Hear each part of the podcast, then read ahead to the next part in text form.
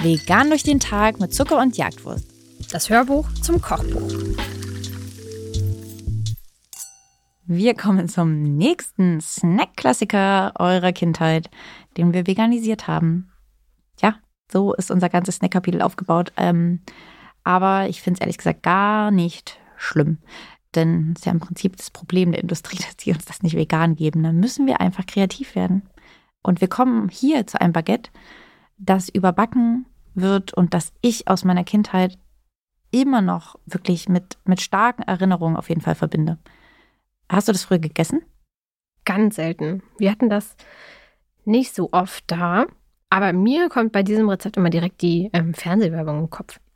Ich sehe da die direkt, saßen da auch in einem Bistro, oder? Mhm. Das hat man richtig inszeniert. Ja, man sieht, wie der Ofen ähm, aufgeht und diese kleinen Bistro-Baguettes oder überbackenen Baguettes, oder wie man es auch immer nennt, ähm, rausgeholt werden. Also ja, ich finde, es ist auf jeden Fall eine, ähm, ist ja auch von einer sehr großen deutschen, deutschen Marke. Ähm, also es ist auf jeden Fall ja ein sehr bekanntes Produkt.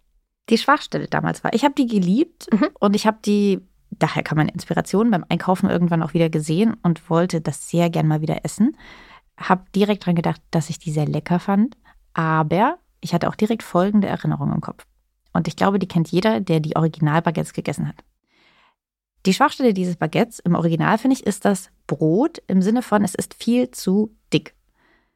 Man hat es dann äh, gebacken, aber bis dieses Brot wirklich durchgebacken und knusprig war, hatte der Belag die Temperatur von Lava. Das heißt, wenn man es gegessen hat, hat man reingebissen. Dann hat man sich überhaupt wieder erinnert, weil irgendwie hat man es jedes Mal wieder verdrängt.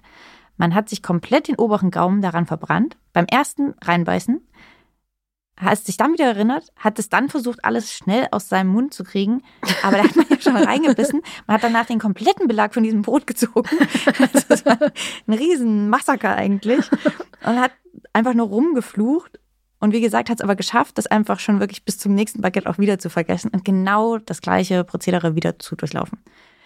Und das verbinde ich mit diesen Baguettes und trotzdem habe ich sie geliebt. Also wie haben sie das denn geschafft? Genial, einfach nur. Ich stelle mir vor, wie jetzt jemand hier mit übelst verbranntem Mund, aber glücklich vor diesen Dingern sitzt und Ja, sich das denkt, Tolle tolles Abend. Bei uns passiert es eben nicht. Darauf habe ich natürlich geachtet bei der Zubereitung der veganen Version. Aber dennoch sollte man die schon kurz abkühlen lassen und nicht frisch aus dem Ofen sich direkt. Schon, aber die kommen, ja, Also, aber auch nicht so lang. Ich glaube Okay. wirklich, bis du so ein Originalbaguette eigentlich normal essen könntest, ist das Brot halt schon wieder dann kalt. Mhm. Also irgendwie ist das komisch daran. Wir verhindern das, indem wir das Baguettebrot, das wir dafür verwenden, entweder nehmt ihr fertiges, ich würde euch aber tatsächlich in dem Fall empfehlen, welches zu nehmen, das ihr aufbacken müsst. Und das kommt schon in den Ofen, ganz kurz, fünf Minuten, damit es schon mal ein bisschen kross wird. Und dann nehmt es nochmal raus, dann belegt ihr das und dann kommt es nur noch kurz in den Ofen, damit der ganze Käse und so, der da drauf ist, auch wirklich, damit es warm wird, damit teilweise die Sachen schmelzen. Und so sozusagen hatte das Baguette auch schon Zeit, warm zu werden. Der Belag ist dann aber nicht die komplette Zeit im Ofen, sondern hat halt seine angemessene Zeit, bis er warm wird. Also ich habe dieses Rezept schon häufig gemacht, weil ich finde, ehrlich gesagt, es ist ein richtig gutes äh, Rezept dafür, wenn Menschen bei euch zu Besuch kommen, weil man das ein bisschen, wie man das so von Pizzapartys noch kennt. Als Kind, da konnte man sich ja auch immer, da hat man so Schälchen vorbereitet mit unterschiedlichem Belag und dann konnte sich jeder seine eigene Pizza zubereiten. Das war doch, also ich mochte das immer ziemlich gern. Okay, Isa, du nicht. Ähm, nee, und ich also, finde, das ist eine tolle Idee auch für diese überbackenen Baguettes. Also könnt ihr im Prinzip, wir haben euch hier ähm, vier Varianten schon mal ähm, vorgestellt. Die sind natürlich, weil wir uns bei einem Copycat-Rezept befinden, angelehnt an die Original-Belagvarianten. Die könnt ihr so vorbereiten, aber ihr könnt natürlich alles auch einfach in kleine Schüsselchen packen und jeder macht sich sein eigenes überbackenes Baguette. Ich bin zum Beispiel Fan der Varianten ohne passierte Tomaten, sondern von denen, die mit veganer Creme fraiche sind. Das ist ja so ein bisschen Flammkuchen-Style. Mhm. Die finde ich auf jeden Fall richtig, richtig lecker. Und danach kann ja jeder wirklich sich das so machen, wie er möchte. Ich habe auch ein bisschen das Gefühl, dass dieses Rezept perfekt ist, wenn man sehr viele Reste noch im Kühlschrank hat. Also wenn ihr da noch einen halben Frischkäse rumzuliegen habt, einen halben Creme fraiche, noch irgendwie zwei Scheiben Salami, vielleicht noch eine Käsescheibe irgendwo rumliegt, dann könnt ihr sowas ja alles richtig gut auf diesen Baguettes verballern.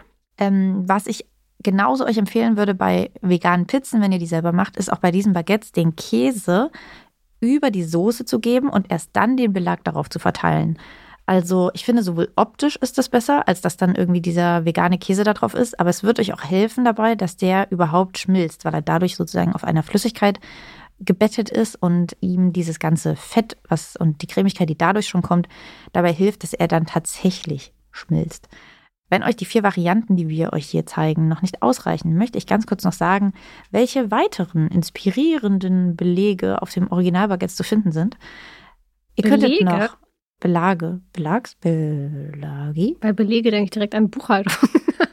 Aber vielleicht stimmt das auch. Wie auch immer. Mach ruhig natürlich, wollte ich gar nicht unterbrechen.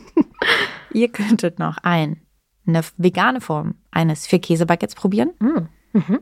Bisschen schwieriger, aber ich meine, es gibt mittlerweile vegane Cheddar-Varianten, Mhm. vegane, also die üblichen, die dann so ein bisschen goudamäßig wahrscheinlich sein Es gibt so eine würzige Variante oder so. Feta-Käse vielleicht noch, Mhm. der nicht auf Kokosölbasis am besten ist, weil er ansonsten euch einfach wegschmilzt. Vielleicht noch veganen Parmesan. Habt ihr vier. Perfekt. Es gibt auch eine Variante mit für euch dann veganem Thunfisch, Zwiebeln und Tomate. Es gibt eine spezielle mit Schinken, Salami und Champignons. Es gibt eine Hawaii mit Ananas und Schinken. Das müsst ihr jetzt mit eurem Gewissen vereinbaren, ob ihr das mögt oder nicht. Und es gibt auch eine Bolognese-Version mit Hack. All das kann man ja entspannt, easy peasy in veganen Varianten holen.